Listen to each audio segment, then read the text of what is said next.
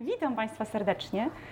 Pracuję na Wydziale Prawa i Administracji, tak jak Pan Rzecznik był łaskaw wspomnieć. Interesuje mnie internet.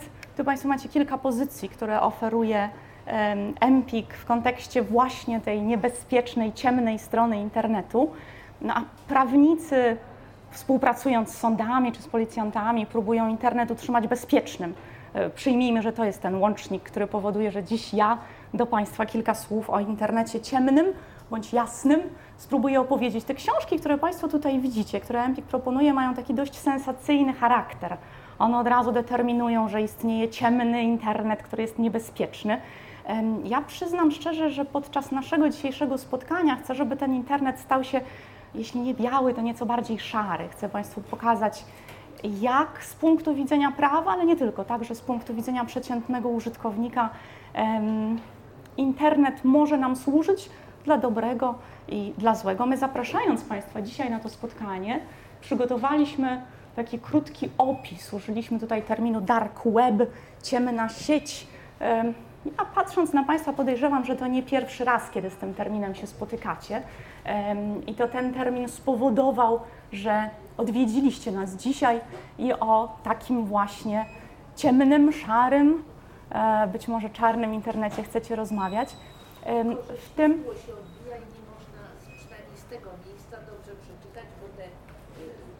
Ja będę opowiadać wszystko, co się tutaj pojawia. Będą też ładne obrazki. Ja wiem, że za każdym razem, kiedy prezentujący czyta slajdy, umiera panda. Wiecie o tym Państwo, tak? Więc ja absolutnie slajdów czytać nie będę. Natomiast jest tutaj kilka obrazków. Jeśli one byłyby niewidoczne, mamy tutaj jeszcze kilka miejsc. Proszę swobodnie miejsce zmieniać. Natomiast zapraszając dzisiaj tutaj Państwa, próbowaliśmy wykorzystać te terminy, które z tą ciemną stroną internetu zazwyczaj się wiążą, a więc na tym krótkim zaproszeniu zobaczycie Państwo, że z jednej strony ta ciemna strona internetu służy przestępcom i o tym traktują w większości książki, które obok nas tutaj na półkach Empiku spoczywają. A więc ci, którzy zainteresowani są absolutnie zakazaną na całym świecie pornografią dziecięcą, zaglądają do dark webu czy darknetu, do ciemnej strony internetu, żeby tam swoje przestępne żądze zaspokoić. Ale nie tylko. Ten schowany za barierą kryptograficzną, za wrotami kryptograficznymi internet, to także schronienie dla tych, którzy walczą o wolność wypowiedzi, o demokrację, chcą chronić swoją prywatność. Chciałabym, żebyśmy w tym kontekście dziś zerknęli na ten ciemny internet, schowany za wrotami kryptograficznymi. Ja tutaj Państwu podsunęłam, a to przeglądarkę Tor. Zaraz jej się przyjrzymy i zobaczymy, dlaczego to ona nazywana jest kluczem do ciemnego internetu a to pocztę, która chroni Państwa prywatność lepiej niż inne, proton, a to wreszcie termin, który z pewnością jest Państwu już znany, bitcoin, a więc waluta cyfrowa, także oparta na kryptografii. Ja dziś chcę użyć tych terminów, które pojawiają się w mediach, pojawiają się w prasie, jako takiego wstępu do dyskusji o ciemnym internecie. E, obiecałam Państwu w tej zapowiedzi, że pokażę, jak wygląda ciemny internet, darknet. No i to taki obrazek, liczę, że on jest widoczny, który ma pokazywać, jak ten ciemny internet, jego ciemna strona wygląda. Wersji tej grafiki odnajdziecie Państwo w internecie bez liku, no a to jedna z nich, która ma pokazywać, że cały internet, czy mówiąc bardziej precyzyjnie, wszystkie treści zawarte w internecie przypominają górę lodową. Góra lodowa ma to do siebie, że na powierzchni widzimy tylko jej niewielki fragment, a jej większa część ukryta jest pod powierzchnią i dlatego jest ona tak niebezpieczna dla statków, bo najistotniejsze jest to, czego nie widać. To porównanie do góry lodowej do internetu pasuje bardzo dobrze. Jak dowodzą badania, tylko jak Państwo widzicie, 4% treści cyfrowych, elektronicznych dostępnych jest dla tych, którzy w tej jasnej części internetu się przemieszczają.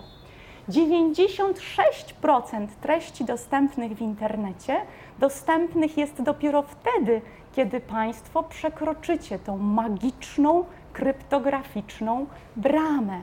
Jak dostać się do tych 96%? Treści. Jeśli Państwo zerkniecie na ten obrazek, zobaczycie, że to, co widzimy w powszechnie dostępnej części internetu, to to, co pokazują nam wyniki wyszukiwania w wyszukiwarce Google czy Bing, to, co Państwo widzicie na Wikipedii. A to, co kryje się za kryptograficzną bramą, to na przykład informacje medyczne, informacje finansowe, bankowe, hasła i loginy do Waszych kont bankowych. To także treści uznawane za nielegalne w większości krajowych jurysdykcji. Jeśli tam chcemy dotrzeć, bez problemu w ciemnej części internetu te materiały można odnaleźć. Są to badania naukowe, ale są to także właśnie w tej najciemniejszej części internetu treści przestępne, a więc na przykład wspomniana tutaj opisywana na łamach dostępnych w Empiku książek pornografia dziecięca czy narkotyki, które Państwo moglibyście chcieć kupić. Jak przekroczyć ową bramę? Dla nas dostępne w jasnej części internetu są te treści, które pokazuje Państwu jedna z ulubionych przeglądarek. To może być Explorer, to może być Firefox, to może być Safari, Opera, Chrome, a więc ten program, który pozwala Państwu przeglądać treści internetowe. Jeśli chcecie dotrzeć do tej ciemnej strony internetu, warto zaopatrzyć się w inną przeglądarkę. Ja absolutnie nie promuję, ale pokazuję tutaj Państwu tą, która zyskała sobie największą popularność. Ta przeglądarka tutaj obrazowana przy pomocy takiej cebulki to przeglądarka Tor. Taki program, który możemy pobrać z internetu, zainstalować i oto ciemna strona internetu staje przed nami otworem. Tor nie powstał dla popełniania przestępstw, choć teraz faktycznie cieszy się złą sławą. I jeśli Państwo korzystacie z Tora, powiecie o tym otwarcie, jest duże prawdopodobieństwo, że znajomi, którzy wiedzą, jak on działa, zaczną podejrzliwie się uśmiechać. Ale Tor powstał nie dla popełniania przestępstw, jak powiedzieliśmy.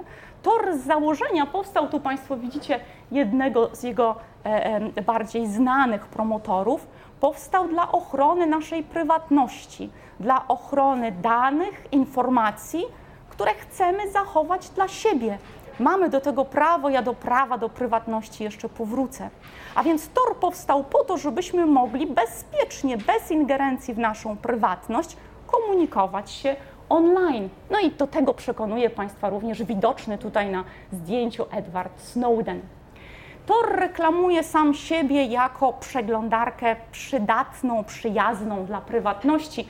Jeśli Państwo zerkniecie na jego stronę domową, stronę startową, to zobaczycie, że Tor powstał po to, żeby chronić prawa człowieka, żeby umożliwić tym, którzy walczą o wolność, demokrację, wolność wypowiedzi, komunikowanie się bez inwigilacji, bez nadzoru służb, bez e, konsekwencji prawnych korzystania z wolności wypowiedzi w reżimach niedemokratycznych. E, jak wspomniałam, nie reklamuję Tora, a więc gwoli akademickiej e, poprawności pokazuję Państwu tutaj w tej drugiej linii kilka innych przeglądarek, które działają w ten sam sposób, a więc anonimizują Państwa dane przy pomocy narzędzi kryptograficznych, za chwilkę króciutko spróbuję je Państwu pokazać, szyfrują połączenie, tak, żeby osoby nieuprawnione, czy to hakerzy, czy to służby specjalne, nie mogły treści Państwa komunikacji przechwycić. A więc tutaj pod spodem widzimy kilka innych przeglądarek, takich jak Tor, które również mają chronić poufność Państwa komunikacji. Jak działa Tor? Tor określany jest komunikacją cebulową. A więc jest kilka warstw ochronnych, które powodują, że Państwa komunikacja jest bezpieczna. Jeśli Państwo zainstalujecie Tor, wysyłając zapytanie, ono jest kilkakrotnie szyfrowane. Ochotnicy, Tor opiera się na ochotnikach. Ochotnicy utrzymują serwery, a więc takie komputery, które pozwalają przesyłać dalej zaszyfrowaną wiadomość. I ta wiadomość przechodzi przez kilka takich serwerów sieci Tor, utrzymywanych przez ochotników, którzy uważają, że to dobry pomysł, fajny pomysł. Trzeba chronić prywatność i wolność wypowiedzi w internecie, także przy pomocy kryptografii. I później To ostatnie połączenie jest już odszyfrowane, ale nie sposób prześledzić ścieżki, którą przebiegły Państwa zaszyfrowane dane. Informacja chroniona jest przez kilka warstw kryptografii, które przypominają warstwy cebuli właśnie. Stąd i to logo cebuli, które przed chwilą Państwo widzieliście w torze. Absolutnie nie pretenduję tutaj do głębokiej analizy technicznej. Jestem pewna, że na sali są ci, którzy dużo lepiej potrafią wytłumaczyć, jak działa Tor, ale z racji charakteru tego spotkania proszę pozwolić na takie uproszczenie. Jeśli Państwo chcecie być jeszcze bardziej bezpieczni, a więc nie tylko mieć przeglądarkę, która szyfruje informacje, ale także upewnić się, że na przykład służby albo sąsiedzi którzy lubią zaglądać do cudzych sieci bezprzewodowych, nie mogą, nie powinni wiedzieć, że korzystacie Państwo z Tora, który anonimizuje przekaz, ale nie samą informację o wysyłanym zapytaniu. Możecie skorzystać także z bezpiecznej sieci, wirtualnej sieci osobistej, która szyfruje przesyłanie danych już w tej lokalnej sieci, w której Państwo się znajdujecie. Przy pomocy tych dwóch narzędzi po ciemnym internecie względnie bezpiecznie i e, swobodnie można się poruszać. A więc, żeby zajrzeć do ciemnej strony internetu, potrzebne nam są takie dwa narzędzia informatyczne. Na czym polega kryptografia? Ja często rozmawiam z moimi studentami o prywatności, o prawie do prywatności. Mówimy o wolności wypowiedzi, mówimy o anonimizacji danych. Podpytuję Państwa wtedy, czy mamy prawo do anonimowej wypowiedzi. Wrócimy jeszcze do tego pytania, ale gdyby tak było, to takie prawo do anonimowej wypowiedzi pomaga nam zachować kryptografia. Kryptografia brzmi skomplikowanie. Ja tutaj Państwu pokazuję taką bardzo prostą grafikę, która ma wytłumaczyć, jak ona działa. Kryptografia polega na tym, że wiadomość napisana w zwykłym tekście, taki, który mnie i Państwu od razu przekazuje meritum owej wiadomości, jest zaszyfrowana. Mamy klucz publiczny i klucz prywatny. Przy pomocy klucza publicznego wiadomość jest szyfrowana na sekwencję liczb, cyfr, znaków, które przeciętnemu odbiorcy nic nie powiedzą. Przechwycenie takiej zaszyfrowanej wiadomości nic nam nie powie. Musimy mieć drugi klucz, prywatny, żeby tą wiadomość odszyfrować. To oczywiście czyni przeglądarka Tor. Odszyfrowuje dla Państwa wiadomość, która przy przesyle została zakodowana. Brzmi skomplikowanie, brzmi jako dość trudne zadanie, no ale tak naprawdę, jak Państwo widzicie na tym obrazku po prawej stronie, już Egipcjanie szyfrowali. Moglibyśmy powiedzieć, że alfabet obrazkowy, no to był taki rodzaj kryptografii. Trzeba było wiedzieć, co oznacza poszczególny symbol, żeby odczytać treść przesyłanej nam wiadomości. Często porównujemy to na przykład z alfabetem Morsa, który też szyfruje wiadomość, jedynie mając klucz potrafimy ją odczytać. Oczywiście te klucze kryptograficzne, z których korzysta Tor czy VPN, są bardziej złożone, ale zasada jest taka sama. Mówimy więc o korzystaniu z kryptografii, żeby zakodować, zaszyfrować swoje informacje. Dlaczego warto dbać o prywatność w sieci? Dlaczego nie tylko przestępcy korzystają z Tora i wirtualnych sieci prywatnych? Liczę, że nie muszę Państwa przekonywać, dlaczego warto dbać o prywatność w sieci.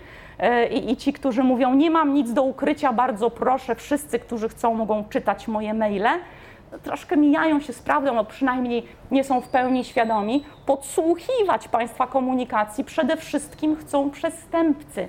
Niezaszyfrowana wiadomość dla przestępców jest bardzo łatwym kąskiem. Jeśli Państwo zaszyfrujecie swoje połączenie z bankiem, z kolegą, z mamą, to dla przestępców będzie znaczne utrudnienie. Podkreślmy, póki co nawet policja nie ma instrumentów, które pozwalają odwrócić to szyfrowanie, które pozwalają odczytać zaszyfrowaną wiadomość bez posiadania klucza y, prywatnego. A więc na pewno cyberprzestępcy zainteresowani są dostępem do państwa niezaszyfrowanych wiadomości. E, pojawiły się aplikacje, które pomagają nam w dość łatwy sposób szyfrować komunikację, także komunikację prywatną. Państwo pewnie korzystacie z WhatsAppa, większość osób w Polsce w tej chwili z WhatsAppa korzysta. Być może jeszcze nie, no to bardzo nie reklamuję, ale informuję Państwa lojalnie, że jest to komunikator, który komunikację szyfruje. Jeśli Państwo korzystacie z Twittera, na nim macie znajomych, którzy drżą o swą prywatność, z pewnością zachęcali już Państwa do zastąpienia Twittera aplikacją Signal, która działa prawie tak samo, ale szyfruje połączenia. E, w tym zaproszeniu do Państwa mówiłam o poczcie Proton Mail i ona reklamuje się jako przyjazna prywatności Państwa komunikacja przy pomocy tego serwisu pocztowego jest również szyfrowana. A do tego, jak Państwo widzicie na tym małym obrazku, tutaj reklamuje się tym, iż firma ma swoją siedzibę w Szwajcarii. Ja troszkę będę mówić o granicach władzy państwowej w internecie, no ale Szwajcaria to dobre miejsce, żeby mieć firmę, która ma chronić państwa prywatność z racji dość luźnych więzi Szwajcarii z organizacjami międzynarodowymi. Szyfrowanie i kryptografia to podstawa kryptowalut. Czy ktoś z Państwa inwestuje lub inwestował w bitcoiny? Nie trzeba się przyznawać, ale jeśli ktoś z Państwa miałby ochotę się podzielić tą informacją, ale wiecie, widzę uśmiechy na sali. Państwo wiecie o co chodzi, teraz już troszkę późno. Kurs bitcoina znacząco skoczył, no ale kilka lat temu była to ciekawa inwestycja. Niezbyt bezpieczna, dlatego że Państwo widzieliście pewnie nawet w Łodzi mieliśmy giełdę kryptowalut, która padła ofiarą napadu, a kilka tygodni później właściciel tej giełdy kryptowalut tu w Łodzi został odnaleziony martwy. Widzieliście Państwo to pewnie. Nie jest to bezpieczny rynek, ale sama instytucja kryptowalut, szyfrowanie z nią związane, cieszy się ogromną popularnością właśnie z racji tego, że owego szyfrowania póki co nie potrafimy przełamać. E, szyfrowanie i kryptografia to także element składowy wspomnianych tutaj już przeze mnie ruchów wolnościowych czy demokratycznych. Kilka lat temu mówiliśmy o arabskiej wiośnie. Państwo pewnie pamiętacie, Afryka Północna sprzeciwiała się reżimom totalitarnym. No i w konsekwencji e, to właśnie internet spowodował, że ludzie lepiej byli w stanie się porozumieć, szybciej byli w stanie ustalić, gdzie i kiedy trzeba być. Kiedy kiedy miały miejsce wydarzenia tak zwanej arabskiej wiosny, wskazywano na komunikaty, komunikatory internetowe, w tym na kryptografię, jako narzędzie, które pomagało tym, którzy stali po stronie rewolucji, szybciej, bezpieczniej i sprawniej się komunikować. No ale niestety e, Tor, kryptografia, anonimizacja to nie tylko bojownicy o wolność i demokrację, Skoro mówimy o nawiązaniach historycznych, pokazywałam Państwu egipskie hieroglify, no to teraz jedwabny szlak. Jedwabny szlak to termin, który opisywał największy szlak handlowy biegnący z Chin aż do Europy. A w 2011 jedwabny szlak, a więc Silk Road, motyw przewodni jednej z książek, które Państwo odnajdziecie tutaj na półce obok mnie, to, jak widzicie Państwo w opisie, anonimowy rynek. A więc taki rynek online, pomyślcie Państwo o eBayu albo naszym krajowym Allegro, który był w pełni szyfrowany, schowany za kryptograficzną zasłoną.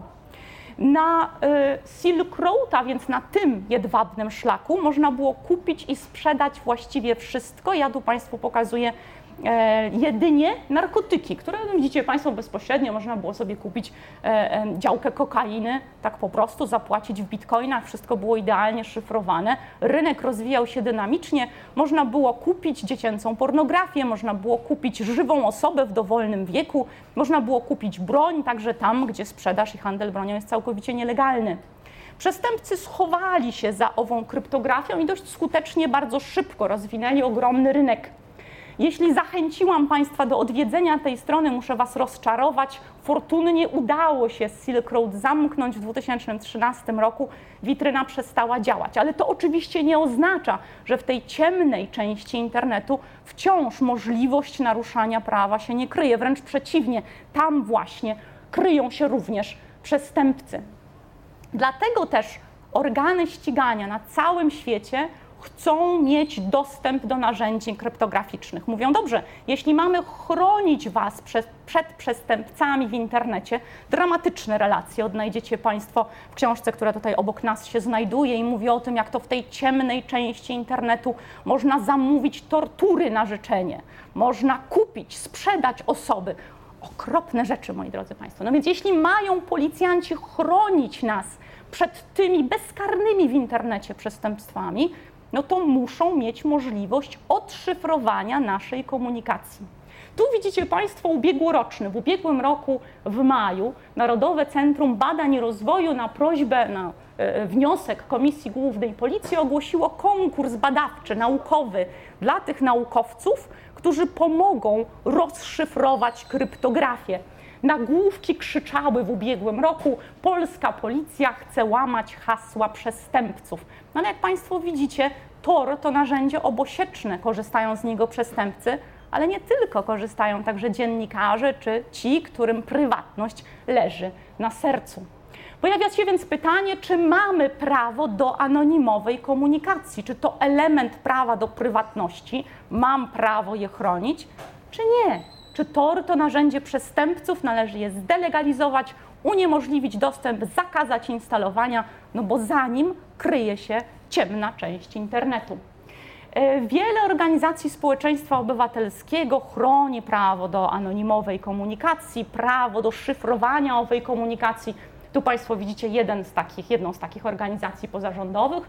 Ona przeprowadziła stosowne badania i mówi o tym, że prawo do anonimowej komunikacji, prawo do kryptografii tylko w kilku jurysdykcjach zostało eksplicite potwierdzone. Francuzi na przykład mówią wprost tak Użytkownicy internetu mają prawo komunikować się anonimowo, mają prawo do kryptografii, do szyfrowania swoich przekazów. O kryptografii najczęściej mówimy w kontekście praw człowieka i prawa do prywatności. Mam prawo skutecznie chronić swoją prywatność. No a policja ma kłopot, bo odszyfrowanie owych e, zaszyfrowanych wiadomości póki co jest technicznie niemożliwe. Musieliby mieć dostęp do kluczy kryptograficznych, no i póki co, oprócz Australii, większość państw się na to nie zgadza. Mówimy więc o kryptografii jako prawie człowieka, mówimy o kryptografii online jako uniwersalnym prawie człowieka. Dlaczego patrzymy na to z punktu widzenia porządku międzynarodowego, bo ja i tutaj Państwu w tym kontekście o nim mówię. Moglibyśmy powiedzieć, internet jest polski, mieści się w Polsce, w Polsce mamy dostawców usług, przewody, kable, zablokujmy je, ograniczmy je, sprawdźmy, co nimi przepływa, i już rozwiążmy problem na polskim gruncie. Można by próbować tak zrobić. Na razie patrzymy na internet jako na sieć globalną. Moglibyście Państwo powiedzieć, no właśnie, to jest internet, są łącza, połączenia, które e, wybiegają z Polski w cały świat. No i kontrolowanie tych łączy to kontrolowanie internetu. Ale na internet można spojrzeć też zupełnie inaczej. Przyznam szczerze, mam słabość do map. Empik to dobre miejsce, żeby o mapach mówić. Mam słabość do map internetu. To jest jedna z ciekawszych map, ona jest już dość stara, to jest 2007 rok, trzeba by ją zaktualizować. Ale twórca tej mapy patrzę na internet przez pryzmat społeczności, które w niej są. Ja dziś części naszej publiczności chyba musiałabym przypomnieć, czym był MySpace. Państwo teraz nagle odkrywacie Instagrama i mówicie, można by mieć swoją prywatną stronę. No, to mieliśmy kilka lat temu, nazywało się MySpace. No ale można by umówić się, że internet to takie społeczności, które rządzą się wspólnymi prawami. To może być Facebook, państwo Facebooka. Wiecie Państwo, gdyby Facebook był krajem, byłby trzecim największym krajem na świecie, jeśli zerkniemy na liczbę użytkowników. Facebook ma swój regulamin, swoje prawo, swoje zasady. No i ci wszyscy, którzy chcą być obywatelami w cudzysłowie Facebooka, muszą zgodnie z tym prawem działać. To Facebook decyduje, co wolno, a czego nie. Moglibyśmy więc na internet zerknąć przez pryzmat składających się na niego społeczności. Moglibyśmy spojrzeć na internet jako połączenie tych dwóch elementów. A więc z jednej strony infrastruktura, przepływy informacji, zer i jedynek, ale z drugiej strony też treści, zdjęcia kotów, które Państwo chcecie na Instagramie udostępniać. Jeśli tak, to internet wygląda mniej więcej w ten sposób. to sieć połączeń pomiędzy indywidualnymi użytkownikami, którzy wymieniają się treścią przy pomocy łączy elektronicznych. Mówiąc o internecie, często mówimy o jego warstwach. Tych warstw może być kilka, może ich być siedem, osiem. Jeśli mamy na sali informatyków, Państwo pewnie wiecie, że może ich być więcej niż trzy. Ale dla nas zerknijmy tylko na trzy podstawowe warstwy internetu. Te podmorskie kable, które pokazałam Państwu na pierwszym e, slajdzie, to warstwa fizyczna. Faktycznie to komputery, łącza, które powodują, że jesteśmy w stanie wymieniać się informacjami. Żeby można było z tych komputerów i łączy korzystać, musimy na nich zainstalować oprogramowania, więc dołożyć warstwę logiczną. I dopiero kiedy te dwie warstwy działają spójnie, jesteśmy w stanie przesyłać wspomniane tutaj zdjęcia kotów. A więc, żeby internet działał jako całość, te wszystkie trzy warstwy muszą spójnie działać. Tu ładniejsza grafika, która pokazuje tą samą zasadę. Mamy więc konieczność wspólnego, synergicznego działania z jednej strony infrastruktury, z drugiej strony standardów, a więc oprogramowania i na końcu także aplikacji i treści, które w nich są zawarte. O tyle, o ile tą warstwą telekomunikacyjną zarządzają firmy telekomunikacyjne, międzynarodowe, krajowe, o tyle tą warstwą standardów zarządza sama społeczność. To my wytyczamy standardy, jakie funkcjonują w sieci. Dopiero na warstwie treści pojawia się zainteresowanie państw i rządów, które chcą ustalić, co wolno, a czego nie wolno przesyłać w internecie. Prawo wygląda zupełnie inaczej. Prawo stosujemy w granicach państwowych. Zasada terytorialności to podstawowa zasada prawa. Trudno nam stosować tak skonstruowane prawo w tym transgranicznym internecie. Mam słabość do map i mam słabość do tego dokumentu. Zawsze, kiedy mam okazję, i ponownie dziękuję Empikowi za zaproszenie, pokazuję Państwu starą już, 20-30-letnią niebawem, deklarację niepodległości cyberprzestrzeni. Kiedy pojawił się internet, zobaczyliśmy, że to taka transgraniczna, nowa jakość.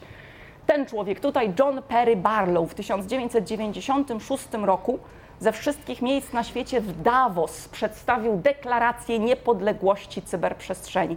Pokażę ją Państwu.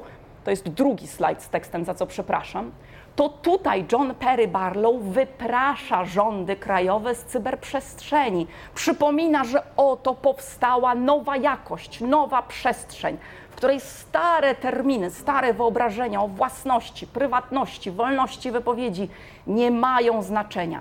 Zbudujemy cywilizację umysłu, mówił pięknie w 1996 roku John Perry Barlow, a te stare koncepcje, które nie sprawdzają się w świecie rzeczywistym, możemy zapomnieć w cyberprzestrzeni. Ja bardzo lubię tę deklarację. Zawsze, kiedy mam okazję rozmawiać ze studentami, zawsze ją pokazuję.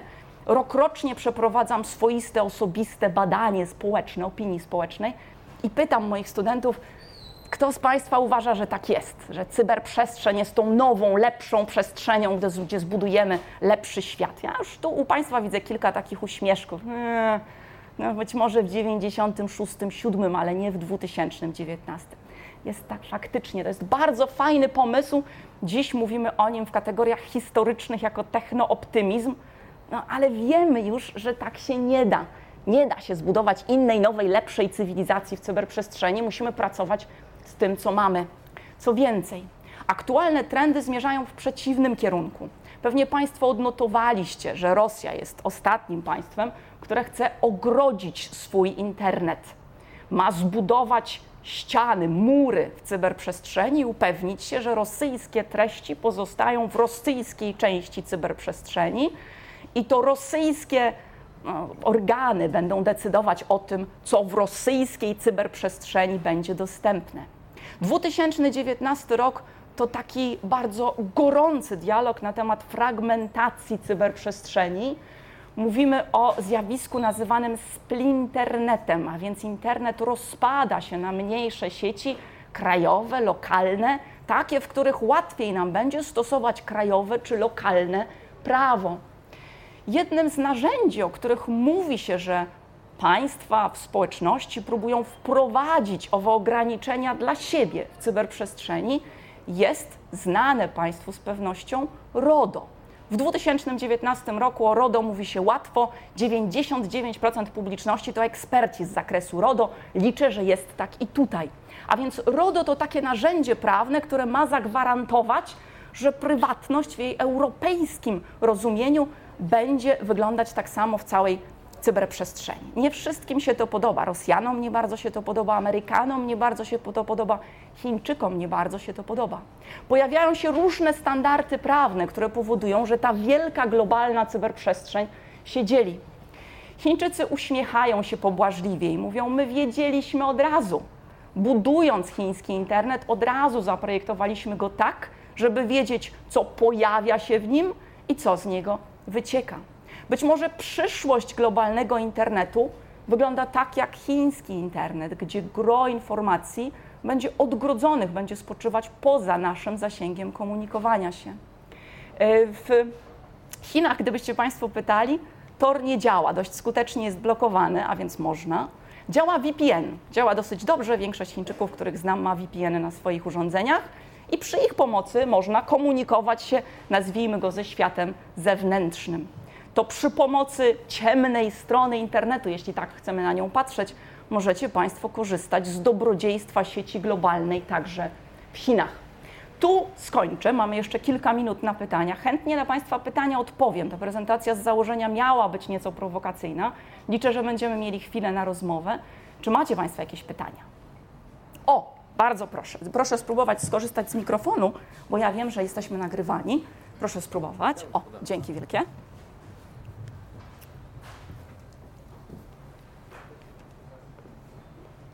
Dzięki Asiu za ten fascynujący wykład. Dzięki.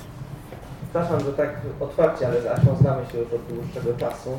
E, pozwoliłem sobie tak bezpośrednio się odnieść. E, zaciekawił mnie e, zwłaszcza ten fragment Twojej prezentacji, w którym mówiłaś o tym, że ten ciemny internet jest przydatnym narzędziem w ręku przestępców. A ja bym, się, ja bym chciał pójść jeszcze krok dalej i zapytać się, co z organizacjami terrorystycznymi, które bo domyślam się, że na pewno część liczących się organizacji terrorystycznych używa dark webu, które mm, chętnie korzystają z tych mm, czarnych dobrodziejstw e, ukrytej sieci i do czego, jeżeli go używają, ten darknet jest im potrzebny. Czy stosują go do celów propagandowych, czy planowania ataków, czy może nie komunikowania się z pozostałymi członkami. Innymi słowy, ręka których organizacji dark web jako narzędzie funkcjonuje i do czego jest używane. Bardzo dziękuję, to dobre pytanie.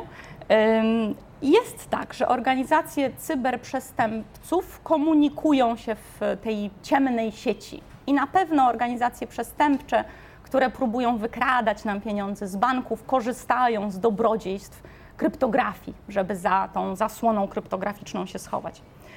Ale pamiętajcie Państwo, że ubiegłoroczny atak opisywany hasłem WannaCry, a więc taki szkodliwy program, który e, instalował się na Państwa komputerach i szyfrował dysk twardy, a więc jeśli Państwo nieopatrznie kliknęliście w łącze WannaCry, szkodliwy program, szyfrował Państwu dysk i trzeba było zapłacić ponownie w bitcoinach, a więc w kryptowalucie. Podobno, rzekomo, według doniesień medialnych, za tym szkodliwym oprogramowaniem stał rząd jednego z niedemokratycznych państw. Moglibyśmy się więc upierać, że prawdziwi profesjonaliści nie muszą chować się w ciemnej sieci. Odpowiadając na Twoje pytanie, tak, oczywiście. Cyberprzestępcy to także ci, którzy dopuszczają się przestępstw o charakterze terrorystycznym.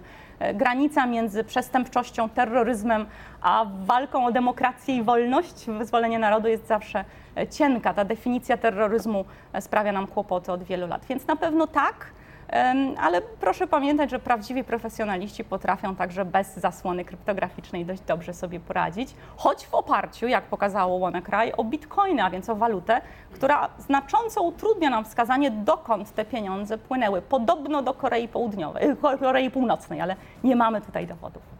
Czy jeszcze macie Państwo jakieś pytania? Mówi się o następnej trzeciej wojnie światowej, że to będzie mm -hmm. wojna cyberświatów, mm -hmm. mm -hmm. bo przy pomocy takich właśnie ciemnych różnych narzędzi, okay. przy pomocy takich różnych ciemnych e, narzędzi, czy bardziej wyrafinowanych i tak dalej, można położyć jakiegoś kraju, załóżmy infrastrukturę, Mhm. sieć energetyczną, czy, Mhm. mm, czy jakieś fragmenty sieci i tak dalej. Jak blisko Pani zdaniem jesteśmy takiego dnia, kiedy po prostu znacz, znaczna część sieci padnie i się sami przekonamy, czym to grozi?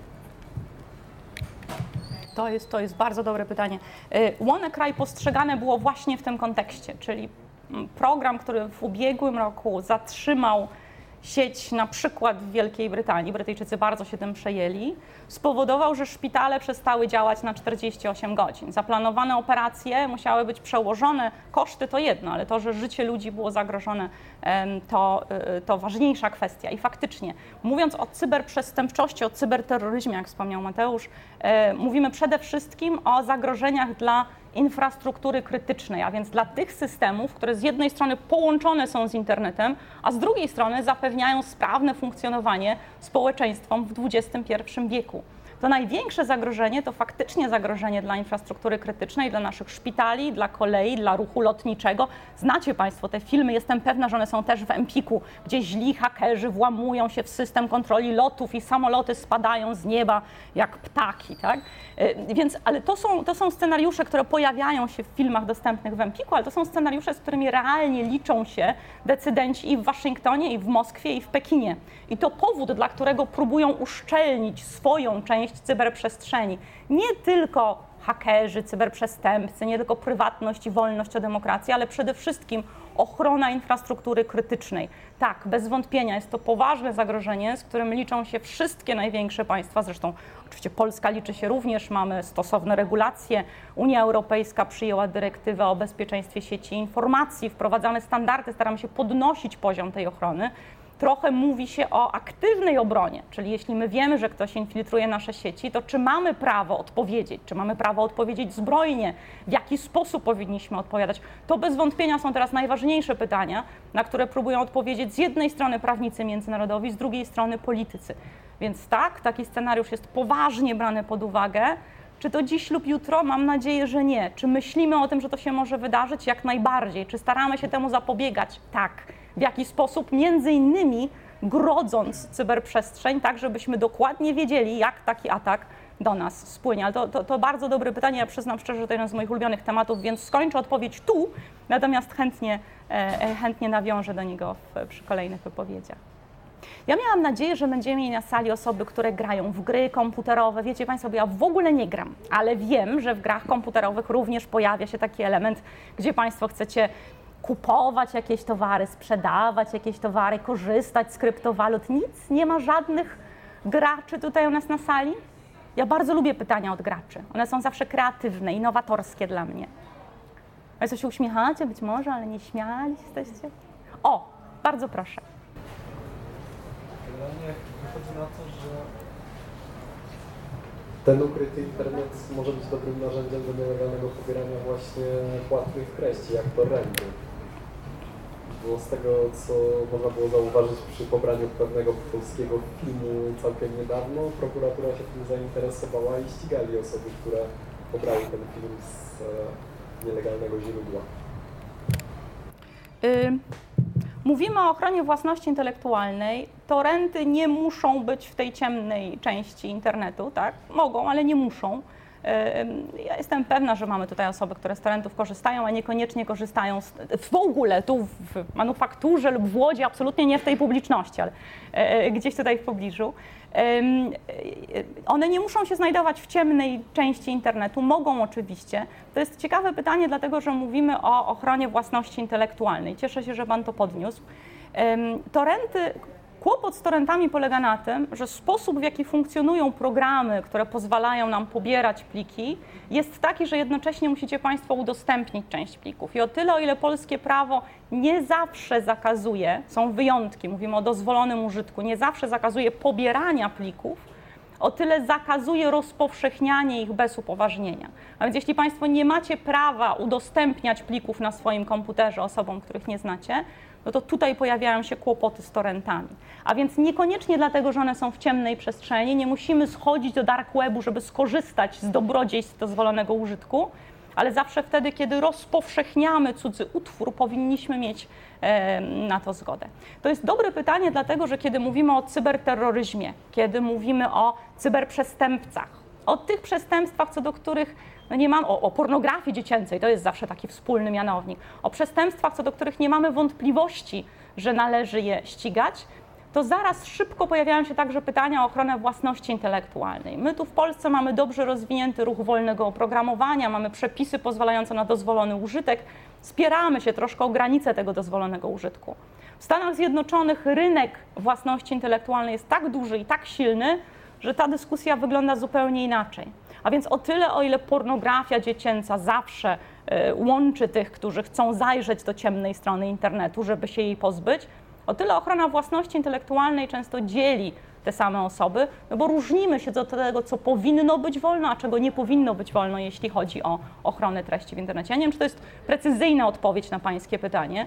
Próbuję jedynie odpowiedzieć, że torenty niekoniecznie muszą w tej ciemnej części internetu się e, e, chować, a własność intelektualna dzieli nas na płaszczyźnie międzynarodowej bardziej niż łączy. Chętnie odpowiem bardziej precyzyjnie, ale nie chcę rozwijać tego wątku tutaj. Czy jeszcze jakieś pytanie? To proszę głośno spróbować. W swojej prezentacji e, zwróciła Pani uwagę, na, powiedziała Pani o, tej, aspekcie ochrony prywatności, anonimowości, ale e, jakby pokazała też Pani te zastosowania e, Tora, czy właśnie anonimowego internetu, bardziej medialne, bo bardziej kontrowersyjne, właśnie te narkotyki, ta nieszczęsna pornografia dziecięca i tak dalej, tak dalej. E, Natomiast właśnie czy, czy ten aspekt korzystania, korzystania z, z tej prywatności, anonimowości w sposób zupełnie legalny, czy jakby taki uzasadniony, prawda? Mhm. E, To, to że jakby w dzisiejszym- czasie, w dzisiejszych czasach, jeżeli poruszamy się po stronach internetowych, to jesteśmy śledzeni przez e, wiele firm, które budują Mhm. profile na, Mhm. naszego Mhm. posługiwania się internetem, profile e, nas tak naprawdę. E, handlują tymi danymi, Mhm. e, żeby móc albo konkretnie skroić reklamę pod, pod nas, e, albo po to, żeby wiedzieć, jakie pra- pra- prawdopodobnie w niedalekiej przyszłości ceny, które będziemy e, widzieć za usługi i towary, Mhm. będą po prostu uzależnione od naszej zamożności, tak? Mhm. Dlatego, że firmy na podstawie tych profili będą Mhm. wiedzieli, na co nas stać, Mhm. i ile, ile mogą od nas zażądać Mhm. jakby e, zarówno e, korzystanie, korzystanie z internetu w sposób anonimowy po to, żeby e, zasięgnąć jakieś informacje nie będąc śledzonym, albo na przykład sprawdzić jakieś informacje medyczne bez e, pozostawienia tej informacji nie wiadomo ilu podmiotom Mhm. będącym tymi naszymi profilami. E, To jest zastosowanie zupełnie legalne i, i e, jakby to jest dużo mniej medialne. O tym Mhm. rzadko czyta i słyszy w mediach. Natomiast e, wydaje mi się, że jakby to jest też coś, co warto podkreślić i jakby jasno, e, jasno powiedzieć, bo e, znaczy mogę e, się wprost przyznać, jestem użytkownikiem Tora. Nie, jeszcze, jeszcze mi się nie, nie zdarzyło kupować narkotyków ani e, ściągać pornografii dziecięcej przy użyciu tego oprogramowania, a e, po prostu to nie jest, jakby nie się żadnym jednorożcem i nie wiadomo jakim czarnym charakterem ani czarnym magiem.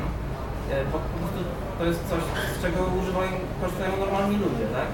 A jakby rzadko się w, w mediach w, mówi o takim aspekcie. Bardzo Panu dziękuję. Ja przyznam szczerze, że to było jedno z moich założeń, dlatego zaczęłam tutaj od pokazywania Państwu, że Tor powstał po to, żeby chronić takich użytkowników jak Pan i ja przed nadmierną, czy w ogóle przed inwigilacją ze strony firm. E, e, Dane na pewno zasilają gospodarkę w XXI wieku. To jest podstawowa waluta. Jeśli nie jesteśmy, jeśli nie płacimy za usługę, to my jesteśmy towarem. Więc bez wątpienia te narzędzia służą ochronie naszej prywatności. No i to próbowałam Państwu pokazać. Cieszę się, że, że, że Pan to potwierdza. Bez wątpienia jest tak, że Tor pomaga nam chronić swoją prywatność, chronić swoje informacje przed nieuprawnionym e, ich gromadzeniem. To zależy, czy Państwo tam się zalogujecie na Facebooka przy pomocy swojego prawdziwego konta, czy nie. No ale chodzi o podniesienie pewnej świadomości. Na pewno Tor jest takim narzędziem, które pomaga nam tą prywatność chronić. Absolutnie nie musi służyć do popełniania przestępstw, choć taki czarny wizerunek chyba z czasem em, także w Polsce powoli on zyskał. Ale absolutnie tak, ma Pan absolutną rację. Proszę pamiętać, że te dane, które są gromadzone, gromadzone są z coraz większej ilości źródeł i urządzeń. To nie jest tylko historia naszego wyszukiwania czy maile. Jeśli Państwo macie e, tracker taki e, fitnessowy, to to są teraz dane, które są najbardziej atrakcyjne. Pan wspomniał o tym, że na podstawie naszych danych przewidywana jest cena, jaką mamy zapłacić. Na podstawie danych z, pańskiego, z państwa Fitbita ustalana jest stawka, u nas jeszcze w Polsce nie, bo mamy RODO, ale w Stanach Zjednoczonych ustalana jest stawka ubezpieczenia.